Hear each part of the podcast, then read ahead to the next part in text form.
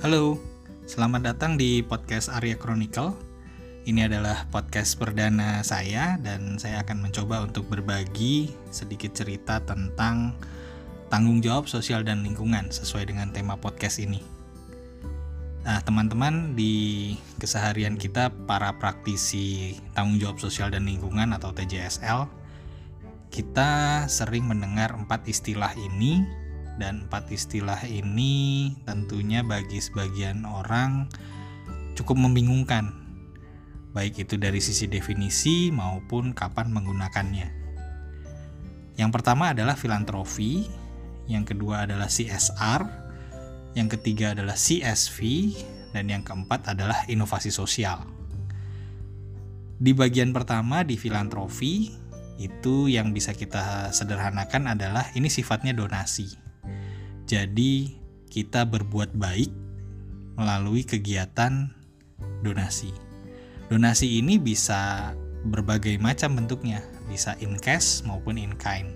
In kind itu masuk maksudnya adalah bisa berupa barang atau yang lainnya. Jadi yang non uang gitu.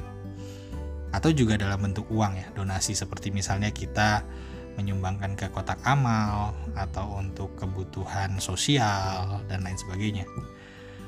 Bisa juga bentuknya adalah kegiatan sukarela.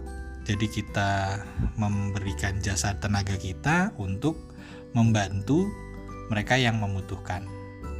Itu kira-kira gambaran sederhana dari filantropi. Pendekatannya sangat simpel. Yang bisa dilihat adalah ada yang memberi atau kita sebut dengan tangan di atas dan ada yang menerima sebagai pihak yang tangan di bawah. Itu itu sederhananya. Kemudian yang kedua adalah pendekatan CSR. Nah, ini yang sering dibahasakan sama orang-orang banyak nih. Tapi sering meleset juga pemahamannya.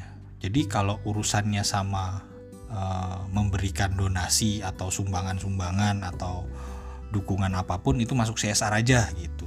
Itu yang orang yang sering menyederhanakan arti CSR kalau kita coba pelajari lebih dalam, CSR itu kepanjangan dari eh, Corporate Social Responsibility. Corporate Social Responsibility ini ada panduannya namanya ISO 26000. Di dalamnya ada tujuh subjek utama yang membahas sangat komprehensif dari mulai tata kelola dan good governance, Kemudian ada isu lingkungan, ada isu tentang konsumen, hak asasi manusia, dan lain sebagainya, sampai kepada isu tentang pemberdayaan masyarakat atau community involvement development, pengembangan masyarakat. Nah, itu lengkap di dalamnya diatur gitu. Cara-caranya seperti apa semua ada di situ. Jadi kalau ada yang bilang, "Ah, CSR itu ya itulah yang sumbangan-sumbangan itu." Nah, berarti itu masih belum mendalam pemahamannya tentang CSR dan bagaimana menggunakan kata-kata CSR itu gitu. Nah, kalau dilihat dari definisinya CSR itu e, bisa disederhanakan sebagai bentuk tanggung jawab sosial dan lingkungan dari sebuah perusahaan atau organisasi atau entitas ya atas dampak yang ditimbulkan dari aspek operasi dan kebijakannya dia gitu yang dilakukan dengan secara transparan dan beretika Nah, eh, di sini jadi kita mendorong bagaimana kita bisa mewujudkan good corporate citizenship gitu ya. Jadi dan juga ada unsur-unsur eh, keberlanjutan. Gitu, itu yang membedakan. Dan keberlanjutan itu sangat luas. Jadi tadi ada aspek human rights, ada aspek eh, lingkungan, eh, kemudian manusianya dan semuanya. Gitu. Jadi sekarang kalau pakai kata-kata CSR agak-agak diperhatikan nih. Nah terus kapan misalnya istilahnya kita untuk pengembangan masyarakat tuh istilah bukan CSR. Mungkin lebih tepat kita sebut Community Involvement and Development. Bagiannya dari CSR gitu. Jadi lebih spesifik karena nanti di dalam Community Involvement and Development atau CID itu ada lagi tujuh poin penting di dalamnya yang bisa kita uh, sebutkan dan juga yang biasa kita lakukan dalam pendekatan TJSL. Nah, selanjutnya yang ketiga adalah creating share value atau disingkatnya CSV.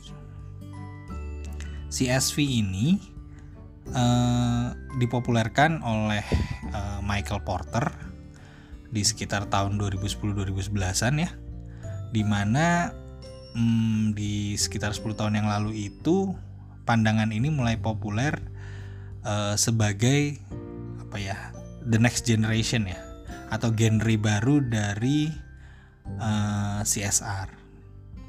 Tapi kalau saya perhatikan ini sebenarnya lebih kepada cara pandang kita. Jadi kalau tadi program community involvement and development itu ada di dalam tujuh core subject tadi, nah CSV ini menambahkan uh, pendekatannya yaitu kegiatan yang tadi dilakukan itu bisa mengintegrasikan antara mas masalah dan tantangan sosial ke dalam penciptaan nilai ekonomi gitu. Jadi bagaimana kita bisa menyelesaikan isu sosial yang ada di sekitar kita yang kita kaitkan dengan upaya kita untuk penciptaan nilai ekonomi yang mana itu yang dilakukan oleh perusahaan atau entitas kita gitu. Jadi bagaimana kita berkontribusi pada pengembangan komunitas melalui aktivitas inti perusahaan atau organisasi. Itu sederhananya. Jadi lebih dalam lagi nih, tapi lebih kepada cara pandang. Contoh sederhananya apa? Misalnya kita industri yang membuat makanan. Nah, dari sini kita bisa lihat kan di supply chain kita ada bahan pokok eh bahan baku. Nah, si bahan baku itu kita dapatkan dari petani. Misalnya isu di daerah situ adalah e, petaninya kurang sejahtera karena e, hasil cocok tanam mereka tidak dihargai bagus di pasar gitu. Begitu kita lihat, oh masalahnya adalah di kualitas dan cara nanam dan seterusnya. Sehingga bisa kita latih nih teman-teman petani tadi, kita berdayakan, kita latih sehingga produk yang dihasilkan tuh bagus. Nah, produknya itu adalah produk yang kita butuhkan nih di industri kita. Jadi kita yang nyerap. Dengan kita dapat bahan baku yang bagus, otomatis barang kita akan berkualitas kan keluarnya. Sehingga konsumen bisa mendapatkan barang yang terbaik gitu. Sederhananya gitu. Jadi kita kita bisa memberikan pelatihan itu tadi kepada petani sehingga petaninya peningkatan penjualannya bagus pendapatannya meningkat dan kita juga dapat bahan baku yang bagus konsumen kita senang everybody happy gitu. Kalau sudah everybody happy tentunya impact positif buat perusahaan itu optimal Nah, yang terakhir, yang keempat adalah inovasi sosial. Ini juga baru-baru ini berkembang, di mana teman-teman itu uh, melihat sedikit ada ada kemiripan dengan CSV, tapi inovasi sosial ini juga memiliki keunikan yang konteksnya lebih Indonesia nih, di mana kita bisa melihat tadi sama-sama kesamaannya adalah menyelesaikan isu sosial yang ada di sekitar kita tapi di sini kita disarankan untuk bisa memanfaatkan kompetensi inti kita untuk melakukan pemberdayaan tadi. Jadi kita udah mendalami community involvement and development dengan pendekatan yang lebih spesifik lagi. Kalau tadi pendekatan rantai supply, uh, proses bisnis, masuk ke aktivitas inti perusahaan, sekarang ini bagaimana kita bisa memanfaatkan kompetensi inti yang kita punya untuk membantu meningkatkan kapasitas sehingga kita bisa menyelesaikan masalah sosial yang kita petakan tadi gitu. dan hasilnya nanti diukur gitu. Contoh konkretnya gini aja. Misalnya di wilayah sekitar kita ini susah kesempatan kerja. Wah kalau udah susah kesempatan kerja maka salah satu opsi yang paling uh, memungkinkan adalah wirausaha kan gitu. Nah, kita latih nih anak-anak putus sekolah untuk bisa punya jiwa wirausaha. Wirausahanya apa? Oh, misalnya kita cari aja yang sesuai dengan bisnis kita. Katakanlah bisnis kita adalah uh, otomotif gitu.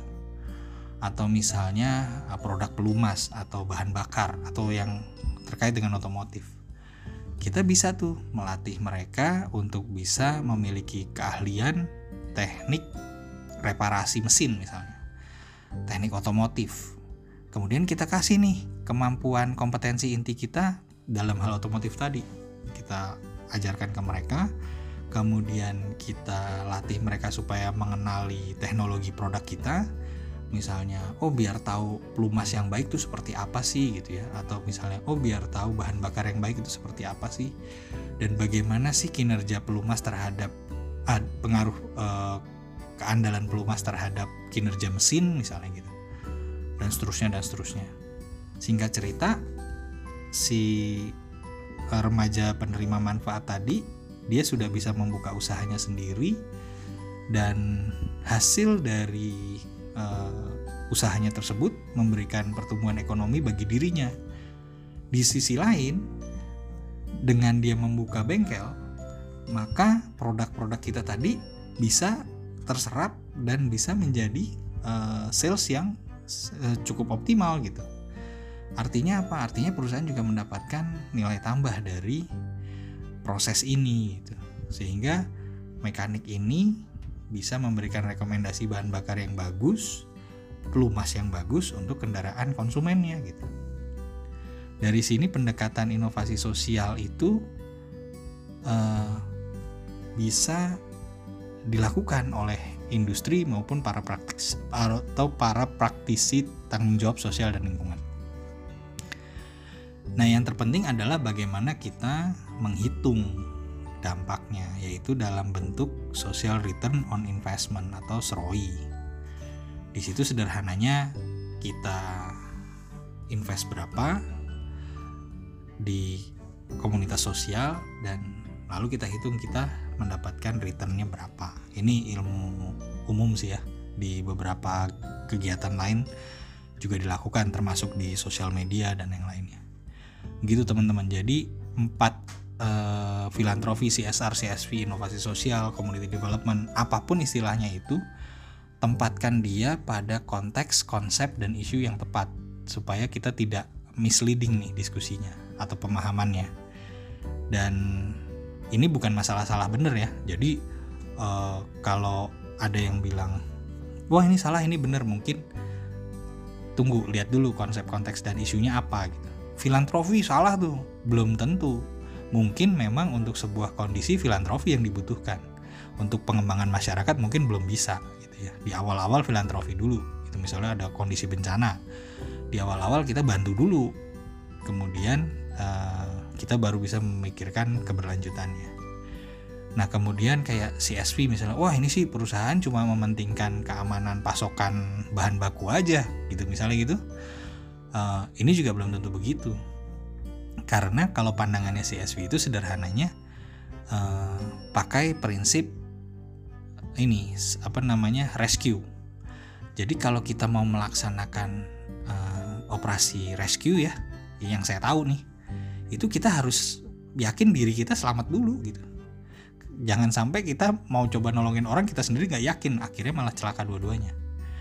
Jadi artinya filosofi itu kalau kita terapkan kalau perusahaannya sustain, perusahaannya bagus penjualannya atau produknya bisa dipercaya orang dan bisa terus berkembang, maka perusahaan ini bisa memberikan dampak positif yang lebih besar lagi untuk masyarakat dan lingkungannya di sekitar dia gitu. Jadi sederhananya adalah seperti konsep bagaimana kita harus safe dulu untuk bisa menolong orang lain. Jadi pendekatan-pendekatan ini lebih kepada bagaimana kita melihat konteks dan konsep serta isunya di dalam banyak praktek nanti akan saya coba uh, diskusikan lagi bagaimana kita mengemas sebuah konsep uh, implementasi dari program-program ini yang lebih menarik dan memberikan nilai tambah tidak hanya bagi penerima manfaat dan juga tidak hanya bagi perusahaan tapi bisa mewujudkan uh, keberlanjutan pertumbuhan berkelanjutan gitu kira-kira gitu. Jadi pertumbuhan sustainable development pertumbuhan yang berkelanjutan itu pembangunan yang berkelanjutan itu bisa diwujudkan melalui pendekatan-pendekatan yang disesuaikan konsepnya kemudian isu apa yang diadres dan konteksnya apa. Mungkin itu sebagai sharing perdana. Mudah-mudahan teman-teman berkenan dan jika memang ada yang ingin disampaikan silahkan disampaikan. Nanti kalau ada ide topik yang minta kita bahas monggo aja ya feel free untuk disampaikan kepada saya. Terima kasih, semoga semuanya sehat selalu.